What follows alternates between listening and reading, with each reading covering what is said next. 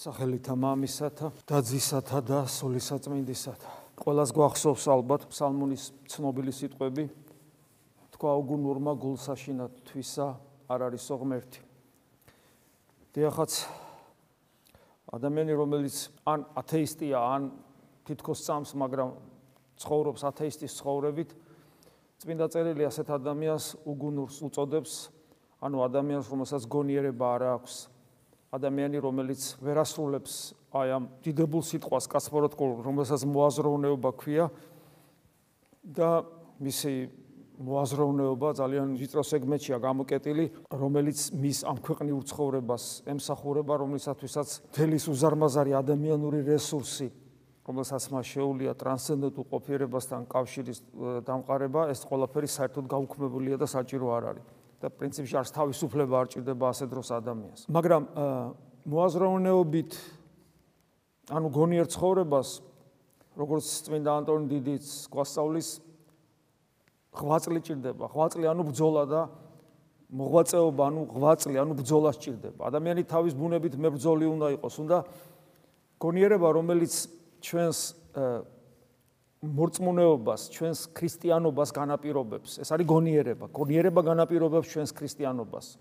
გონიერება განაპირობებს მაშინაც, როცა ჩვენ რწმენა გვაქვს, ასევე მაშინაც მნიშვნელოვანია გონიერება, იმიტომ რომ მაშინაც გონიერება განაპირობებს ჩვენი რწმენის შესაბამის ცხოვრებას. თუ ურწმუნოება, უგუნურება, რაღა უნდა ვთქვათ, მორწმუნეზე, რომელიც ურწმუნოსავით ცხოვრობს, ეს კიდევ უფრო მეტი უგუნურობაა. რაღა უნდა თქვათ ეკლესიის წევრ ადამიანზე პირობითად მონათულზე აღსარებელზე და მაზიარებელზე რომელიც სარწმუნოებრივ ცხოვრებაში არის გულგრილი, ზედაპირული, ზერელე, გულარხეინი. რაღა უნდა თქვათ ეს კიდევ უფრო მეტი უგუნურებაა მაგრამ როცა ადამიანი გონიერებას ავლენს მე ეს სულაც არნიშნავს ეს იულია. და ამიტომაც არის სწორედ ანტონი დიდი ამბობს რომ მოაზროვნეობითი ანუ გონიერი ცხოვრება ღვაწლს საჭიროებს, ანუ ბრძოლას საჭიროებს. და აი ამ ბრძოლაში პავლე მოციქული დღევანდელ ებრაელთა მიმართ ეპისტოლეში კარგად გვეუბნება, რომ გვამხნევებს ამ ბრძოლაში, ნუ გიღალატებთ მხნეობაც, იმედიც, იმიტომ რომ ამ ყველაფერს დიდი საზღაური ელის. ანუ ჩვენ და კონდეს ხნეობა იმედთან შეზავებული სიმამაცე მეომრის არა უბრალოდ სიმამაცე, არამედ მეომრის სიმამაცე. მერე პავლე მოციქული აგზელებს მოთმინება გმართებთ. რათა აღასრულოთ ღვთისნება და მიიღოთ აღთქმული. როცა ჩვენ ვამბობთ იყავნება შენი რამდენჯერ გვითხოვს ესე რომ ადამიანი დაბერდა ეკლესიაში და იყავნება შენი იძახის მამაუჩვენოში დღეში რამდენჯერმე ორჯერ მაინც ხო დილას აღამოს. კითხვას არ სვავს და რა არის ღვთისნება? ჯერ ერთი პრობლემა რომ ადამიანი შეიძლება ისე დაბერდეს რომ ღვთისნება ბოლომდე გაცნობიერებული არ ქონდეს და მე მინდა გითხრათ რომ ღვთისნება იხსნება და იხსნება დაუსრულებრივ იხსნება წმინდა წერილში. მას ბოლომდე ვერასოდეს ვერ ამოწურავ. ლოგიკურად ლოგიკურადაც ესე არ არის. ვინ იტყვის რომ ბოლომდე იცის რა უნდა ღმერთს. ღმერთს კი არა შენს გვერდზე მყოფ ადამიანს რა უნდა ბოლომდე ის არ ვიცი. ჩვენ რა გვინდა ის არ ვიცით ხშირად ისეთ მოულოდნელ რაღაც სიუპრიზებს გვიწყობს ხოლმე საკუთარი თავი ექსტრემალურ სიტუაციაში. ანუ ჯერ ერთი პრობლემა რომ ღვთისნება არ ვიცით და ამას მუდმივი გამოძიება ჭირდება წმინდა წერილისა და პრაქტიკული სულიერი ცხოვრებისა, მაგრამ ის რაც ვიცით იმის აღსრულებასაც ჭირდება მოთმინება, ანუ აქაც ბძოლა და ეს არის კლავ და კლავ მოთმინება მეომრისა, რომელსაც არ უყარს უკან დახევა, რომელსაც არ უყარს სისუსტის გამოვლენა და შიშარა მდგომარეობაში მყოფობა და ასე შემდეგ. ლაჩრობა, ანუ მებძოლი ხასიათი უნდა ქონდეს, და მოთმინება სხვანაირად შეუძლებელია, რომლითაც მოვიპოვებთ ჩვენ სულს, რომლითაც ცხონდები და გადავრჩები. და ეს ყველაფერი არის ის ნიშანთვისებები, რომელიც თან ახლავს რწმენას. რწმენა აი ამ მეომრული განწყობის, სიმამაცის და მოთმინების გარეშე რწმენა უბრალოდ არ არსებობს. რწმენა ნამდვილი რწმენა, მართალი რწმენა, ჭეშმარიტი რწმენა, რომელიც ადამიანს ავლენს როგორც გონიერ არსებას. და აი პავლე მოციქული ახაც გვეუბნება ასეთ რამეს, რომ მართალი მართალი, ვინ არის მართალი? მართალი რწმენით იცოცხლებს. ანუ მართალი და რწმენა აქ ორივერდროულად არის მოყვანილი. იცოცხლებს აქ რა თქმა უნდა საუბარია მარადილ სიცოცხლეს. აქ არის აქ არის საუბარი 100 წელი იცოცხლებს და მე მოკვდება. აქ საუბარია მარადილ სიცოცხლეზე და მარადილ სიცოცხლეს ჭირდება აი რო იყო მართალიც და რწმენაც კონდეს. ანუ ცხოვრების წესიც კონდეს სწორი და რწმენაც უნდა კონდეს სწორი. ამიტომ მართალი ანუ ვინ თითქოს სწორად ცხოვრობს, ის თავისთავად კი არ გადარჩება. ანუ ადამიანი სწორად ცხოვრობს, ზნეობრივად, რელიგიურად, თავისთავად კი არ გადარჩება. არამედ მას რწმენა უნდა კონდეს, როგორც აქტიური ფენომენი ჩვენში, აქტიური ღმერთთან კავშირი, ღვთის ერთგულება და ასე შემდეგ. და პავლე მოციქული ამბობს, მართალი რწმენით იცოცხლებს და იქვე გვაფრთხილებს. ხოლო თუ უკუ იქცევა, ანუ შეიძლება მორწმუნე მორწმუნე უკან დაიხიოს, უკუ იქცევა. ხოლო თუ უკუ იქცევა, არ შეიწყალებს მას ჩემი სული. კაცრი კაცრი ნათქვამია, რა თქმა უნდა. რა თქმა უნდა, კაცრი ნათქვამია. ადამიანური სიცოცხლე, რასაც ქვია, აი მართალი რწმენით იცოცხლებს. რა არის ადამიანური სიცოცხლე? ადამიანური სიცოცხლე ეს არის სარწმუნოებრივი შემეცნება, რომელიც პიროვნული პიროვნული არჩევანით იწება. ამაზე ხშირად ვამბობთ ხოლმე. პიროვნული არჩევანით დაეცა ადამი და პიროვნული არჩევანით ვიწყებთ ჩვენ სულიერ ცხოვრებას, იმიტომ რომ ჩვენ მორწმუნეები ხვდებით ანუ ქრისტეს ღმერთობის წმენა ჩვენში შემოდის დაუმსახურებლად, ამაზე ჩვენ ხშირად საუბრობთ და საჭიროა მუდმივად გვახსოვდეს ეს დაუმსახურებლად, რომ ქრისტე ღმერთია, მაგრამ მაგრამ ეს არ არის საკმარისი, მე ვაკეთებ პიროვნულ არჩევანს და ვიწყებთ მოაზროვნებით, ანუ გონიერ ცხოვრებას, რომელიც უკავშირდება ბრძოლას, ანუ ღვაწლს.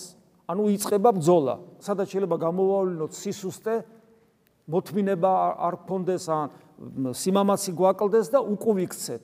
და თუ უკუვიქცებით, არ შეიწყალებს ჩემი სული, რამ კაცრი სიტყვებია. და ამაზე გახსოვთ წინა ქადაგებაშიც გითხარით, რომ ჩვენ პიროვნული არჩევანი გაკეთებული გვაქვს ამას ყოველ ძალიან თითქმის აი ყოველ დროცა საუბრებზე და ახსარებებზე მოდიხარ სულ ვაწყდები რომ ადამიანი თითქოს მორწმუნე ახსარებელი მაზიარებელია მაგრამ აი რაღაცა ესე თქვა თვეები გავიდა არზიარებულად რაღაც ესეთი ცოდვები მუდმივად ამარცხებს და იწება რაღაც ესეთი წუწუნის მსგავს, იცი რაღაცა არ შეუულია, რაღაცა რაღაცა ცოდვამ დაამარცხა, რაღაცა ვერ ახერხებს როგორც საჭიროა ისე ცხოვრებას, სიზარმაცეს ძლევს, ან ხანდახან არ უნდა რომ თქვა ეკლესიაში მოვიდეს, ან ილოცოს, ან იბრძოლოს, რაღაცა ხასიათი ეკარგება და ასე შემდეგ და ჩვენ ამ დროს ვამბობთ ხოლმე რომ ჩვენ როდესაც ვთქვით რომ შეუდგები ქრისტეს და თუ ბავშვობაში ვთქვით ნათლობის ჟამს, ეს ნათლობის აღთქმაა და მაშინ მაშინდელი არ გვახსოვს. თუმცა ჩვენ მორწმუნეები გავხდით ეკლესიაში, როცა მოვედით, მოხდა აქტუალიზირება იმ აღთქმისა. ამიტომ ჩვენ ყოველას, ვინც ეკლესიაში ვართ, ყოველას გვაქვს აღთქმა დადებული, რომელიც ასე ჟღერს: შეუდგები ქრისტეს. ეს არის თითოეული ჩვენგანის თავისუფალი პიროვნული არჩევანი. ენაზე ენაზე არავინ არ გვეკაჩება. ჩვენ როცა მოვედით, მოვედით და ეს მოსვლა გულისხმობს კიდევ მეორე აქტუალიზირებას ნათლობის აღთქმისას. მე გავაკეთე არჩევანი. წმენა მომეცა გასაგებია. ჩემი დაცემული ბუნება თავისას იბუძვის ესეც ცნობილია. უამრავი პრობლემა აქვს ადამიანს ღვთისაკესავალ გზაზე. ყველაფერი ეს გასაგებია, მაგრამ ყველაფრის და მიუხედავად მე გავაკეთე არჩევანი. მე შეუდეგი, შეუდექი ქრისტეს. აი ამ არჩევანს წინ უსწრებს. წმენა განკაცებული ღმერთისა. ანუ ღმერთმა სამყარო რო შექმნა, მე რომ ის ხატა და მსგავსად მომიყვანა ამ სამყაროში. მე დაცემული რომ ჩემს რეანიმაციას რომ არაფერი არ ეშველებოდა, თვითონ რომ მოვიდა ადამიანად და galaktikების შემოქმედი რომ მოკვდა ჩემთვის. და ჩემი რწმენა ხო ამას ნიშნავს. მე ხო ეს წამს, ხო? ჩვენ ხო არ თამაშობთ ეს აქ წამს. და galaktikების შემოქმედი რომ მოკვდა ჩემთვის და მე რომ ეს წმენა მომეცა და ეს ცოდნა მომეცა რომ ეს ასია და აღფრთოვანდი ჩემი გული გაივსო და მე გავაკეთე არჩევანი, უფალო შენ მოგდებ ბოლომდე, მე შენ მოყვები ბოლომდე, შენ ახარ ჩემი ცხოვრების საზრისი და პიროვნული არჩევანი. და როგორც კი მე გადაწყვეტილება მივიღე, იმ წამსვე, იმ წამსვე მთელი ეს ქრისტეს მიერ გაღებული ეს გონება მიუწვდომელი ჩემი სიყვარულისათვის გაღებული გონება მიუწვდომელი მსხვერპლი, რომელსაც პავლე მოციქული მღვდელმოქმედებას უწოდებს, ეს ყველაფერი მე გადამარჩენს და მიხსნის. მაგრამ ამის მერე თუ ჩემ პიროვნულ არჩევანს რაღაცნაირად შევაფერხებ და იცი რა მოდი დღეს აღარ მინდა. გუშინ მინდოდა წირვაზე მოსვლა. დღეს აღარ მინდა. ხვალე შეიძლება ისე მომინდეს გუში ხო ვილოცე? შეიძლება ხვალეც ვილოცო. აი დღეს მოდი არ მინდა. მოდი დღეს დღეს მოდი რა დღეს მოდი მარხვას დავარღვევ. დღეს მოდი ცოტა ცოდვას ჩავიდე მე ისე ანუ ჩემ პიროვნულ არჩევანს მე ვაჩერებ და ხანდახან თუნდაც ვამბობ რომ არა მოდი ღმერთო შენ დღეს არა დღეს თავი დამანებ აი ესეთი დამოკიდებულება ესეთი მიდგომა არის ძალიან მძიმე რამ ადამიანის სულიერ ცხოვრებაში და პავლე მოციქულის სიტყვები გაგახსენეთ ებრაელთა მიმართ ეპისტოლე და როცა ამბობს რომ ასეთი ადამიანისათვის რომელიც კლავ ცოდვილი ხდება ცოდვილი არა ჩვენ ბუნებით სულ ცოდავთ ცოდვილი ხდება კლავ ცოდვილი ხდება თავისი პიროვნული არჩევანით.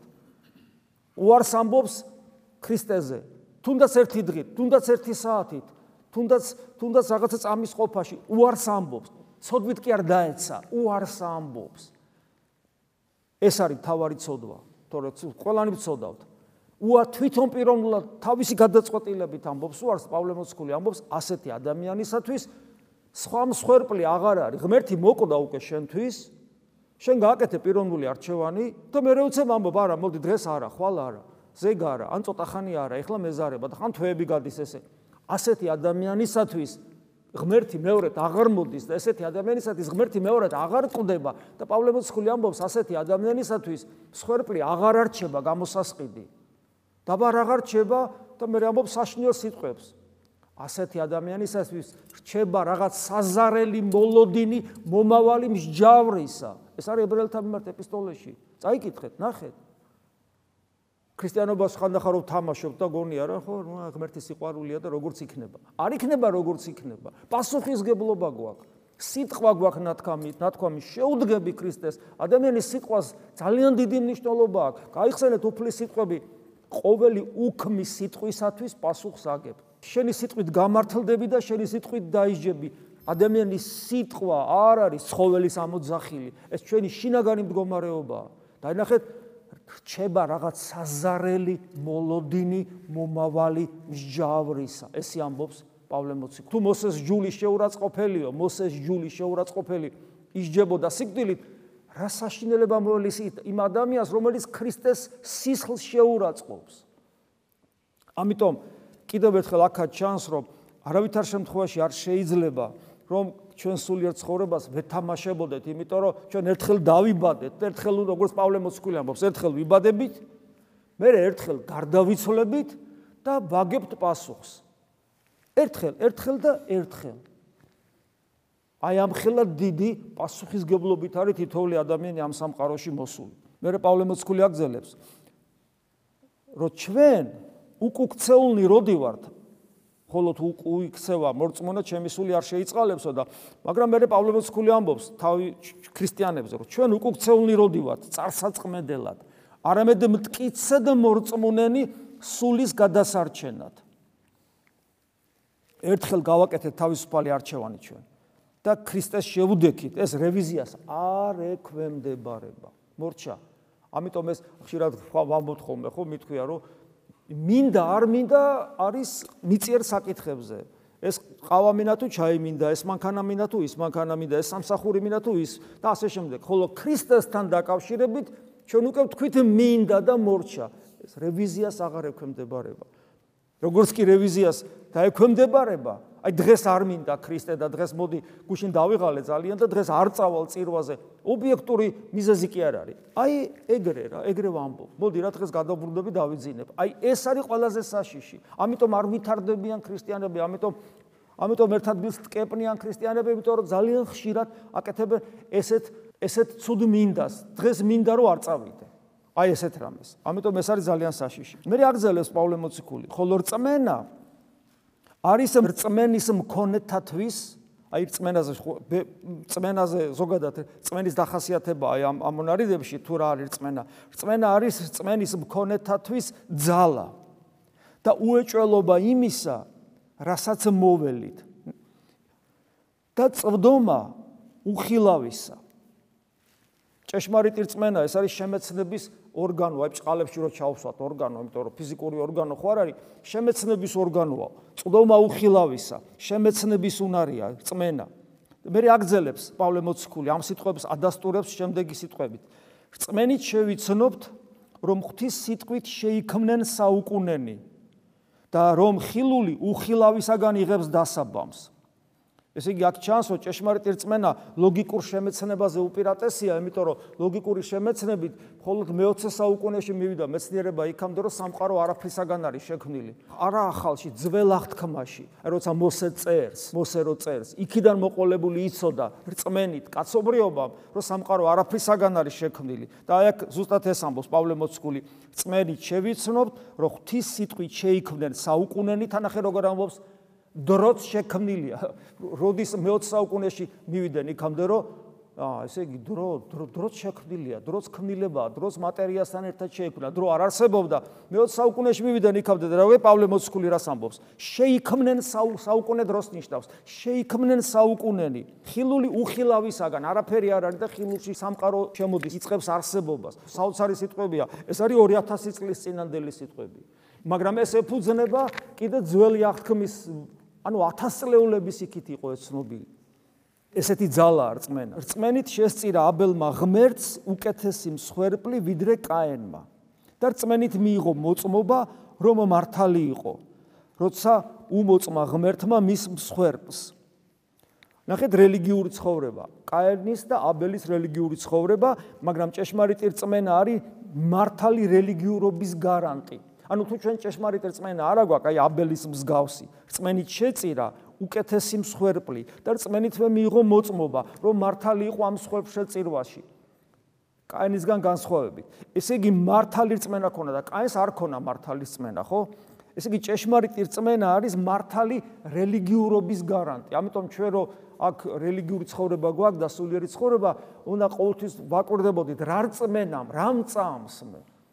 და ეს ეს პრობლემაც არის ხოლმე აი იგივე საუბრებს რომ მოდიხარ არაჯანსაღი რელიგიური გამოცდილების ადამიანი მოკლედ რო ვთქვა რომელსაც აი ესეთი ზერელე ზედაპირული რელიგიური ცხოვრება ვისაც აქვს და თუმცა შეიძლება ამ დროს ადამიანი მრავალი წელი ეკლესიურ ცხოვრებასაც ეწეოდეს მაგრამ აი ესე ძალიან ხშირ შემთხვევაში ესეთ კითხვას ვსვავ. კი მაგრამ შენ არ წმენა გაქვს და აღმოჩნდება ხოლმე რომ ადამიანს ქრისტიანული რწმენა არ აქვს, აღსარებელია და მაზიარებელი, მაგრამ მისი რწმენა ქრისტიანული არ არის. ანუ მისი რწმენა არ არის ნამდვილი, ჭეშმარიტი და მართალი. შესაბამისად, თუ ჩვენი რწმენა არ არის ნამდვილი და მართალი, მაშინ ჩვენი რელიგიური ცხოვრებაც არ არის ნამდვილი და მართალი.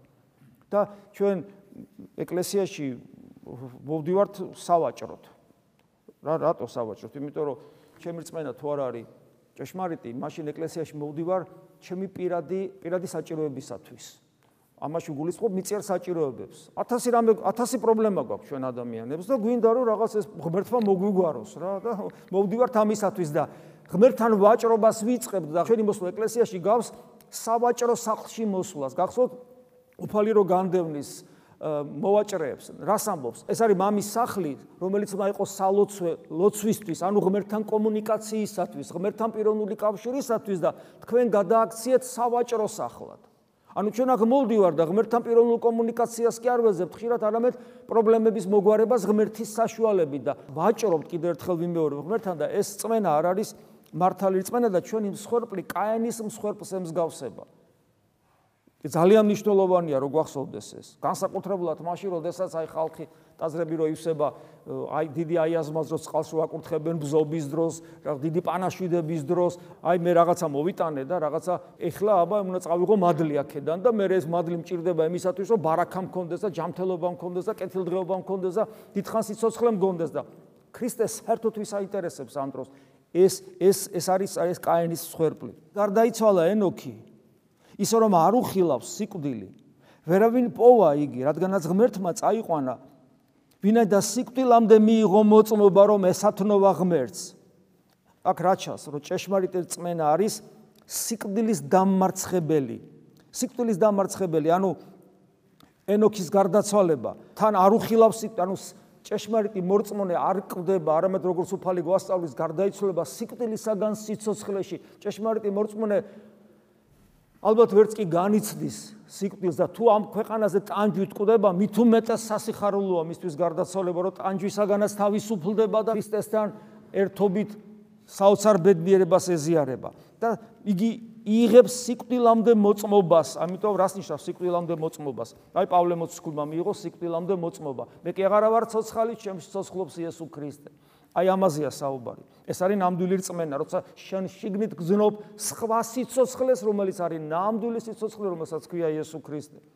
წმენის garaშე შეუძლებელია ესათნოვო ღმერთს, რადგან ვინც მას უახლოვდება, საინტერესო სიტყვებია. წმენის garaშე შეუძლებელია ესათნოვო ღმერთს, რადგან ვინც მას უახლოვდება, უნდა სწამდეს რომ ღმერთი არსებობს და სანაცვლოს მიაგებს მის მაძიებელთ. აქ რა ჩანს, რომ ჭეშმარიტი რწმენა ეს არის ტრანსცენდენტულ ღმერთთან ერთობის ისევ ბჭყალებს ჩავსავ ორგანოს. იმიტომ რომ თუ ღმერთს უახლოვდები, ეს მხოლოდ იმ შემთხვევაში არადა ეგ არის, ხო? ქრისტიანობა რომ უახლოვდებით, უახლოვდებით, ვეძებთ პიროვნულ ერთობას ვთილობთ, მაგრამ ამისათვის უნდა გწამდეს, რომ ის არსებობს. რას ნიშნავს გწამდეს, რომ ის არსებობს? მამაოჩვენოში ვეუბნებით, მამაოჩვენო, რომელი ხარ? ანუ მე უნდა განვიცხიდე, მე უნდა ჩემი გამოცდილებით ვიცოდე რომ ღმერთი არსებობს და არა უბრალოდ რაღაცა ჩემი ინტელექტუალური რაღაც ის იყოს მოსაზრება ესეთი.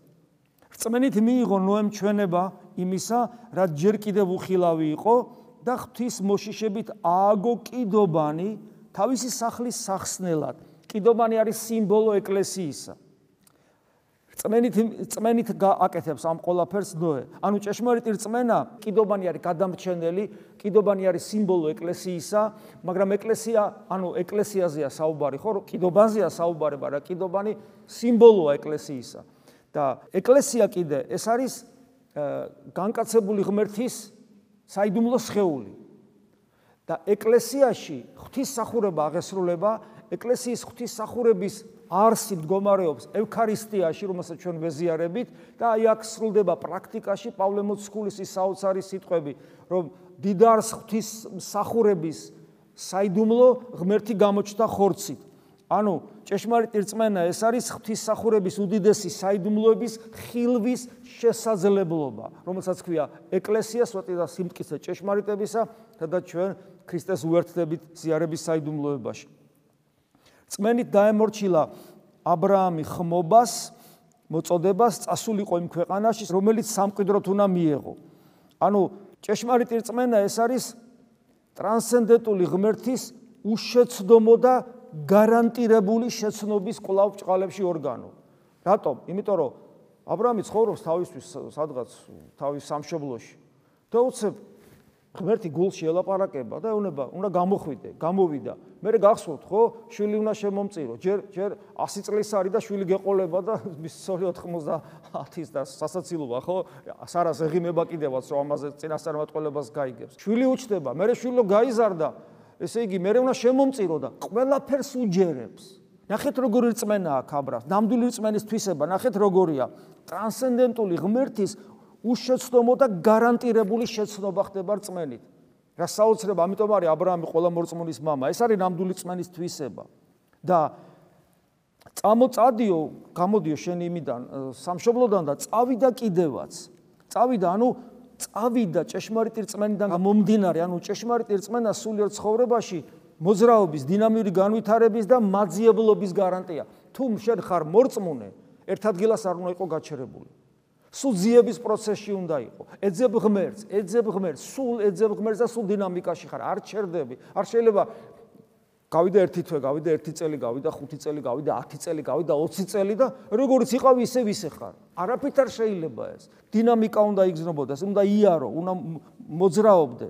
და ესეთი რწმენა წინ უსწრებს რაციონალიზმს და გამოცდილებასაც. რატომ? ნახეთ, კი წავიდა, მაგრამ არ იცოდა სად მიდიოდა. ზუსტად მიდიოდა, მაგრამ ლოგიკურად არ იცოდა სად მიდიოდა. ეს კარგად ჩანს წმინდა წერილში ა ブラ ამის ცხოვრებაშიც და პავლე მოციქული ამას ხას უსვავს. წავიდა მორჩილებით, მაგრამ არ იცის სად მიდის.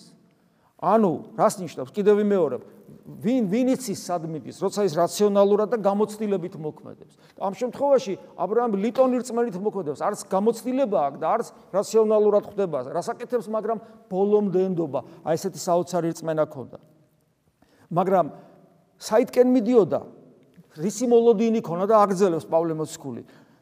ელოდა ქალაქს, რომელიც მткиცე საძირკველზე დგას და რომლის ხუროთო მოძღვარი და მშენებელიც არის ღმერთი ჭეშმარიტი რწმენა არის ის რომელიც ზეცის მოქალაქეობას ანუ ქალაქს ელოდებოდა რომელიც ღმერთმა აღაშენა ესე იგი ჭეშმარიტი რწმენა არის ის რაც განგვაცდებინებს ზეცის მოქალაქეობას, იმიტომ რომ პავლე მოციქული ხას უსვავს, ჩვენ აქ სამყოფელი არა გვაქვს, ჩვენ ზეცის მოქალაქენი ვართ. სიტყვა სიტყვა დარჩებოდა, რწმენა რო არ იყოს, ცოცხალი რწმენა განგვაცდებინებს ამ ზეცის მოქალაქეობას. ხოლო ჭეშმარიტ რწმენაში აღსრულებულნი ანუ ვინც კვდება, გარდაიცვლება ჭეშმარიტ რწმენაში, გარდაცვალებამდე სანამ აღესრულება ჭეშმარიტ რწმენაში სანამ აღესრულება ადამიანი, ჭეშმარიტ რწმენაში მაცხოვრებელი ადამიანი შორიდან ხედავს ესეთი ადამიანი და შორიდან აღიარებენ, რომ უცხონი და ხიზნები არიან ამ ქვეყნად.